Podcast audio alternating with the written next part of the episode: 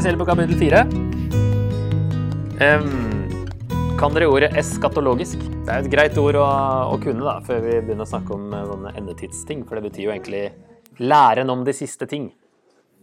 Uh, men det er ja, eskatologisk. Uh, så jeg har brukt det her fordi det fant ikke noe bedre ord på norsk, egentlig. For det er liksom ikke endetidsovertoner, på en måte. Det høres bedre ut med eskatologiske overtoner. Når Paulus nå skal gi de siste oppfordringene, så sier han eh, så sant som han kommer og oppretter sitt rike, pålegge deg for Guds og Jesu Kristi ansikt, han som skal dømme levende og døde. Det er sånn introduksjon til det som kommer. Skikkelig sånn herre wow! Eh, når Jesus kommer igjen og skal dømme, og, han som kommer og oppretter sitt rike, ikke sant? det er de siste ting som skal skje da. Så det er liksom opp, eh, det som Ja, det har Det er en viktig oppgave, da, tror jeg Paulus vil si, med å ordlegge seg sånn. Det han sier til Timoteus. Og det han sier, er 'forkynn ordet'. Og eh, ja, eh, stå klar i tide og utide, vis til rette, tal til tukt og tal til trøst, med all tålmodighet og iherdig undervisning. Um, og det sier noe, noe av det samme som han sa rett over her, i slutten av kapittel 3, som egentlig er i samme avsnitt, hvis vi tar bort eh, det store firetallet og sånt. Så sier han egentlig 'bruk ordet til å gjøre det ordet er nyttig til'. ikke sant? Vis til rette, tal til tukt, osv. Eh, bruk Bibelen og det den er nyttig til, som han akkurat har sagt, og så gjør du det samme. Gjør det med Bibelen, det Bibelen gjør selv, på en måte. Det den er nyttig til. Grunnen eh, Jo, og så har jeg det vers, eh, bildet som vi hadde så på før. Dette med bibelutleggende forkynnelse. Hvorfor skal vi gjøre bibelutleggende forkynnelse? Forkynn ordet, sier han her, ikke sant? Og så svaret her, da, fordi Gud vet bedre hva hans folk trenger enn det du gjør. Um, forkynn ordet, ikke sant? Bibelen er det som skal forkynnes. Og så setter han opp en kontrast her etterpå, for det skal komme en tid da folk ikke lenger tåler den sunne lære, altså evangeliet, men skaffer seg den ene læreren etter den andre, slik de selv finner for godt, for de vil ha det som klør i øret. Så det er jo denne kontrasten her, sunn lære opp mot det man har lyst til å høre. Det er det uttrykket, det som klør i øret, det er det man har lyst til å høre. Som man sier, først da de skaffer seg de lærerne de vil. De de vil høre, de de vil ikke høre det her. Det er jo typisk, hele Gammeltestamentet så vil jo ikke folk høre på profetene heller, for de forkynner dom. Kongene, noen eksempler på de vil ikke Nei, uff, ikke han profeten. Han, forsyner, han kommer alltid med dårlig budskap. Jeg vil ha de positive profetene. De som sier at jeg kommer til å vinne denne krigen. Ikke de som sier at jeg må omvende meg og bøye meg for Gud. Liksom. Det vil jeg ikke høre. Så det er jo en tendens hele veien til å bare Det som klør i øret, er det man vil høre. Ok, eh, vers 4 og 5. De skal vende øret fra sannheten og holde seg til myter. Men du, men du, må være edruelig i alt du gjør. Bær lidelsene. Her kommer det igjen. Gjør din gjerning som evangelist, og fullfør din tjeneste. Så her snakker han igjen om dette temaet å holde ut i motgang, og så begynner han å forberede litt det som kommer nå, for nå er vi ved slutten av del to. Og så kommer liksom den siste biten der Paulus forteller om eh, hva som skjer med han. Kommer fra vers 6. Em, og han sier her, gjør din gjerning som evangelist, og fullfør din tjeneste. Fullfør din tjeneste. Altså, Timoteus er fortsatt i denne kampen, mens Paulus er ferdig, kommer han til å si i neste. ikke sant? Nå er eh, ja, Jeg har stridd den gode strid, fullført løpet, sier han i vers 7. Så um, nå blir det liksom det Endrer det litt fokus, men um, at det på at Timoteus skal fullføre sin tjeneste, har med å gjøre at Paulus er ferdig. Så nå har vi kommet hit til 4-6. Og den siste biten da handler om situasjonen eh, til Paulus. For nå blir jeg ofret, og tiden er inne da jeg skal bryte opp. Jeg har stridd den gode strid, fullført løpet og bevart troen. Nå ligger rettferdighetens seierskrans klar for meg. Den skal Herren, den rettferdige dommer, gi meg på den store dagen. Ja, ikke bare meg, men alle som med kjærlighet har ventet på at han skal komme. Kom til meg så fort du kan, for Demas forlot meg fordi han fikk den nåværende verden kjær. Han har dratt til Tessalonika, Kreskens til Galatia og Titus til Dalmatia. Bare Lukas er hos meg. Ta Markus med deg når du kommer, han er til stor hjelp for meg i tjenesten. Tykikos har jeg sendt til Efesos. Når du kommer, må du ta med deg kappen som jeg lot bli igjen i Troas hos Karpos, og bøkene, framfor alt pergamentrullene. Kobbersmeden Alexander har gjort meg mye vondt. Herren skal gjengjelde ham etter hans gjerninger. Pass deg for ham du også, for han har gått hardt imot læren vår. Første gang jeg forsvarte meg i retten, var det ingen som kom meg til hjelp. Alle forlot meg. Må det ikke bli tilregnet dem.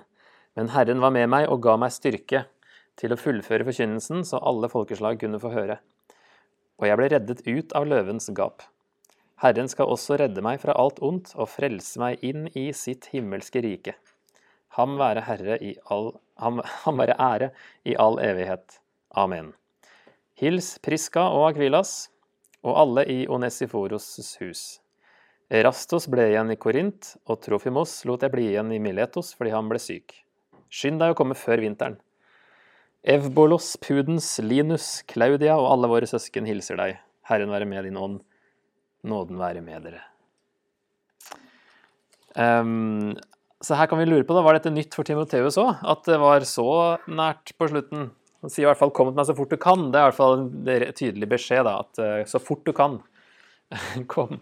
Og um, uh, Hvor er det med vinteren, da? Skynd deg å komme før vinteren, ja. I vers 21.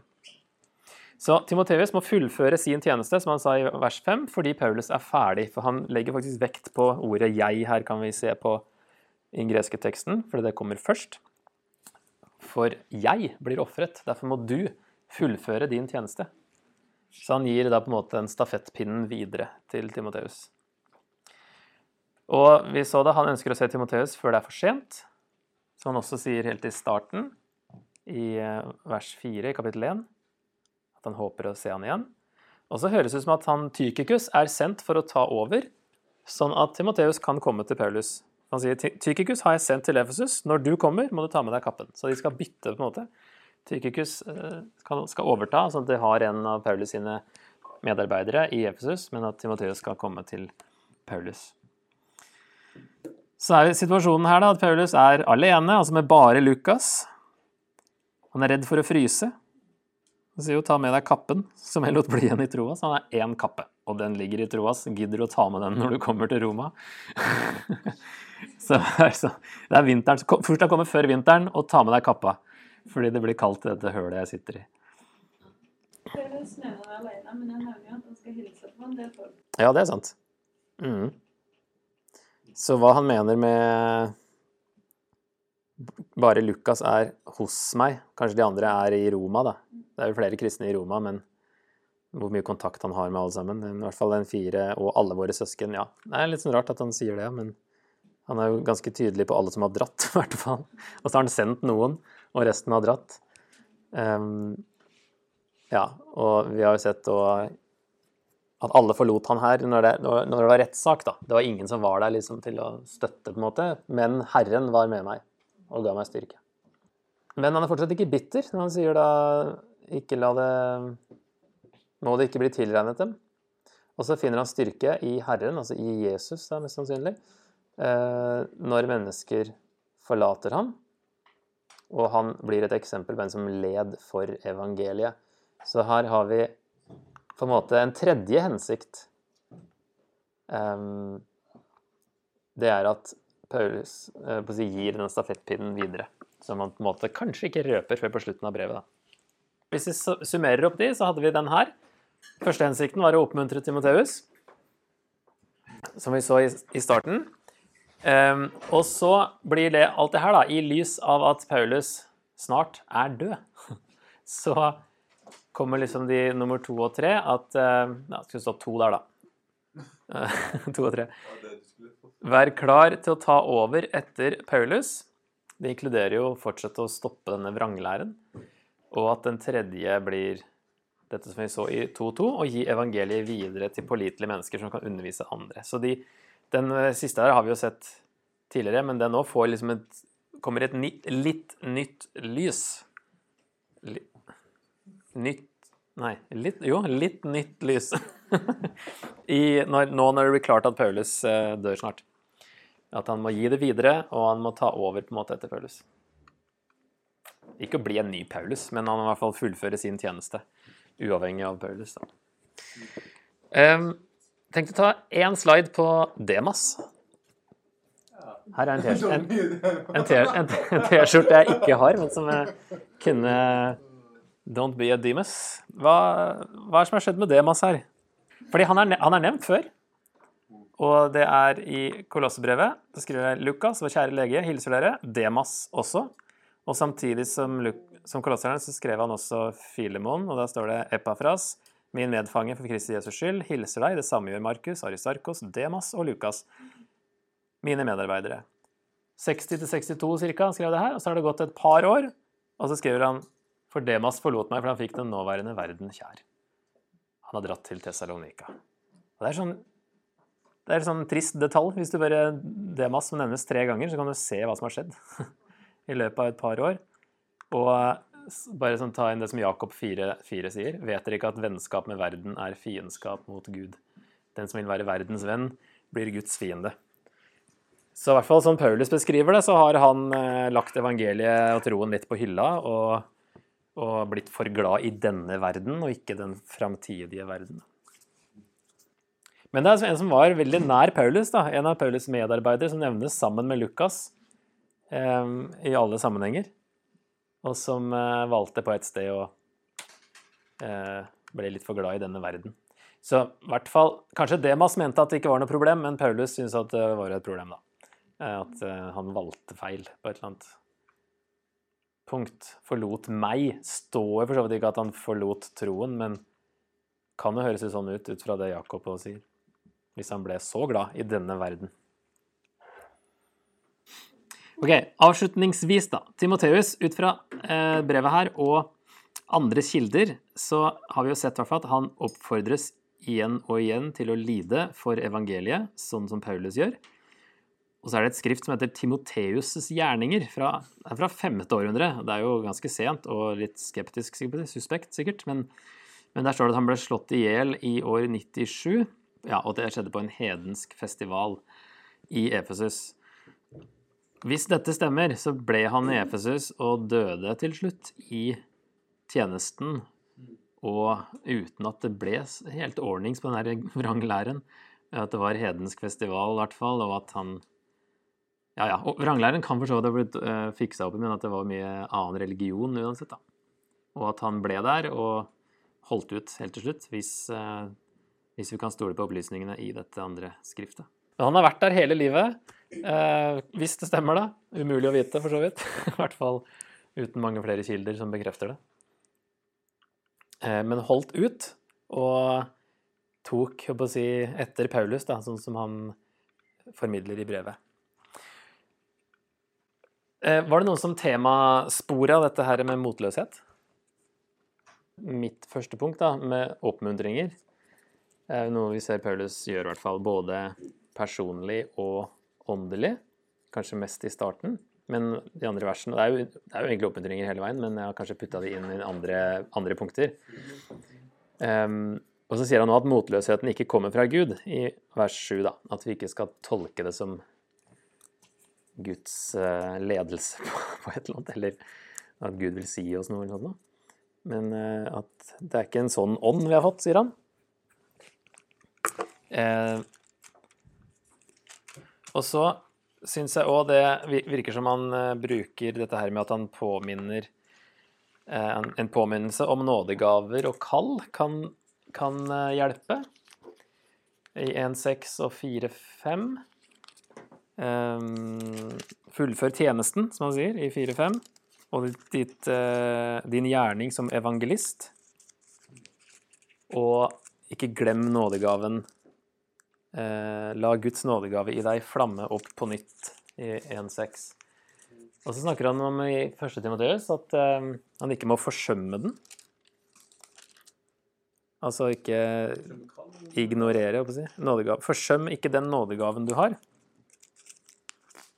den du fikk på grunnlag, grunnlag, av profetiske ord, sier han i 4.14. Og så snakker han òg i 1.18 om, eh, Timoteus, mitt barn, slik er oppdraget jeg nå overgir deg, i samsvar med de profetiene som før er talt til deg. Så han snakker om profetier både i forbindelse med oppdrag og med nådegave. Så det er jo mest sannsynlig at de henger sammen, da. At han har fått et oppdrag i tråd med sin nådegave. Eh, og så snakker han i 2.4 om eh, den, en idrett som en soldat som ikke mister fokus. Så kanskje litt sånn har, har man eh, blitt avspora fra det man egentlig er kalt til, og at man har sammenlignet seg med andre, og så har man mista litt fokus og blitt motløs av um, at ja, Fokusert for mye på resultater, kanskje. Um, som for så vidt kanskje er et annet punkt, det husker jeg ikke. um, men det virker som Paulus hinter om det, i hvert fall. Husk på hva du egentlig er der for, og hvilken nådegave du har, og hva din tjeneste er. Altså, du er en evangelist, det er det du skal fokusere på. Nådegaven sier han om det er det samme, at nådegaven er at han var evangelist, det vet vi kanskje ikke helt sikkert. Det er jo mulig at det er det samme. Eller om det er en annen nådegave som han ikke forklarer.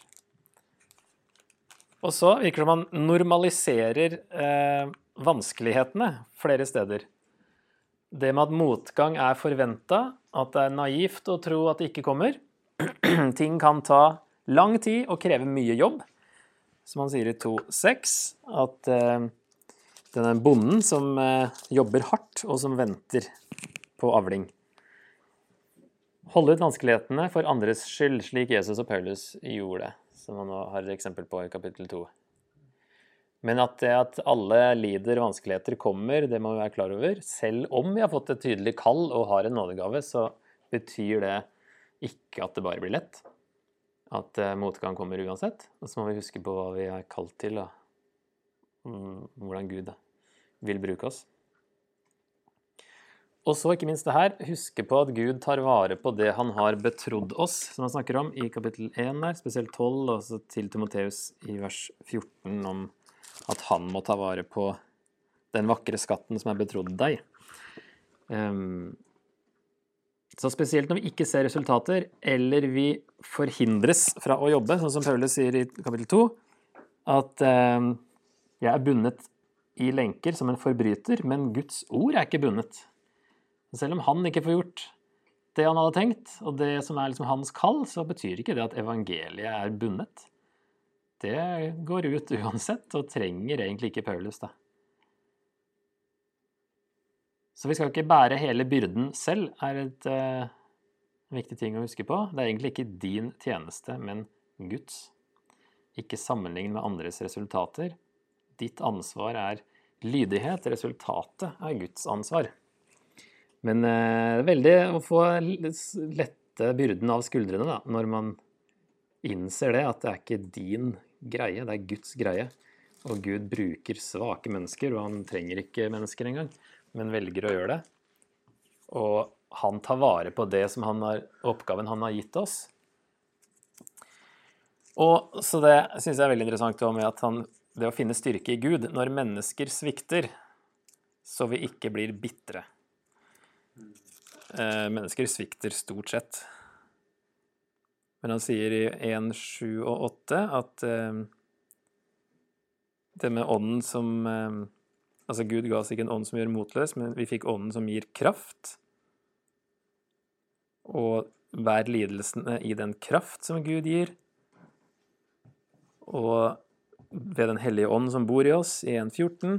Vær da sterk, mitt barn, ved nåden, i 2.1. Og så til slutt i 4 her, når han sier at alle forlot meg, men Herren var med meg og ga meg styrke til å fullføre forkynnelsen. Så alle folkeslag kunne få høre. Altså han, det at han forkynte i rettssaken sin, ser Paulus som en måte at han faktisk fikk gjøre det han var kalt til der, da, for hedningene selv om han nå er i fengsel plutselig. Det blir garantert hardt i egen kraft. Vår identitet, sikkerhet og selvtillit må være i Gud og hans kall til oss. Det blir veldig slitsomt å være avhengig av menneskers tilbakemeldinger og bli satt ut av kritikk og motgang. Så det, her, det er sånn grunnleggende, veldig viktig sannhet som det her kan dere skjønne er litt mer sånn raske notater inn under noen punkter. Men uh, jeg fikk mye ut av det av å ta denne tematracen her.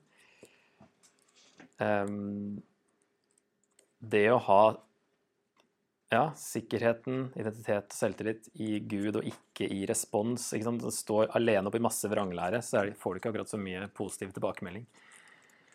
Og, um, og det å ikke kunne takle kritikk og motgang, det, er, det blir veldig slitsomt. Spesielt hvis man da ikke gjør det i Guds kraft, og man tenker at uh, jeg har gjort en dårlig jobb fordi jeg møtte en sånn Fikk den tilbakemeldingen eller et eller annet. Så det er ikke alltid det er sant. Så det er veldig viktige ting. Jeg har uh, en, uh, et bilde til med noen spørsmål som dere kan ta med dere inn i i, eh, eller reflektere over. Um, henger litt sammen med det vi så på nå akkurat nå. Men nummer én Paulus sitt liv endte noe trist og ydmykende sett fra verdens perspektiv. Å følge Jesus er risikabelt, og ikke for å gi oss status eller karriere. Er vi klare til å lide for evangeliet og ikke trekke oss tilbake pga. vanskeligheter? Hvordan reagerer du på hvordan det endte for Paulus? Første spørsmålet har vi kanskje tenkt på før, men kanskje ikke det siste. Hva, hva sitter vi igjen med liksom, med det her med hvordan det endte for Paulus når han En av eh, kirkehistoriens største personer, egentlig. Ville jo vært en skuffelse. ikke sant? Jobba hele livet og gitt alt, faktisk, Paulus. Som har gitt alt! Og så sitter han på slutten der, og så ser han folk forsvinner. Um, yes. Over til punkt to. Hvor går du for å finne styrke når mennesker svikter deg? Finner du styrke i Jesus, slik Paulus gjorde? Eller rømmer vi andre steder? Har du overgitt til Gud det han har betrodd deg? Hva om han tok bort tjenesten din, ville du tviholdt på den? Ikke sikkert vi alle føler vi har en tydelig tjeneste, men uh, det er lett å tviholde på ting. altså Sånn som Saul Saul gjorde. Han var jo egentlig Egentlig hadde Guds ånd gått fra Saul til David ganske tidlig i historien, men Saul tviholder på den tronen i mange, mange år, selv om han egentlig ikke er konge. Ehm, sånn i Guds øyne, da. Han er egentlig avsatt. Så det er det med tjeneste og det her med Det er egentlig Gud sin tjeneste. Og altså dette med forkynnelse, da, formidling. Forkynner vi ordet eller det som klør i øret? Hva kan du gjøre for å få fokuset på Bibelen? Der det trengs. Det er jo ikke alltid det trengs, men i mange menigheter så trengs det å få mer fokus på å utlegge bibelteksten i en tale eller undervisning.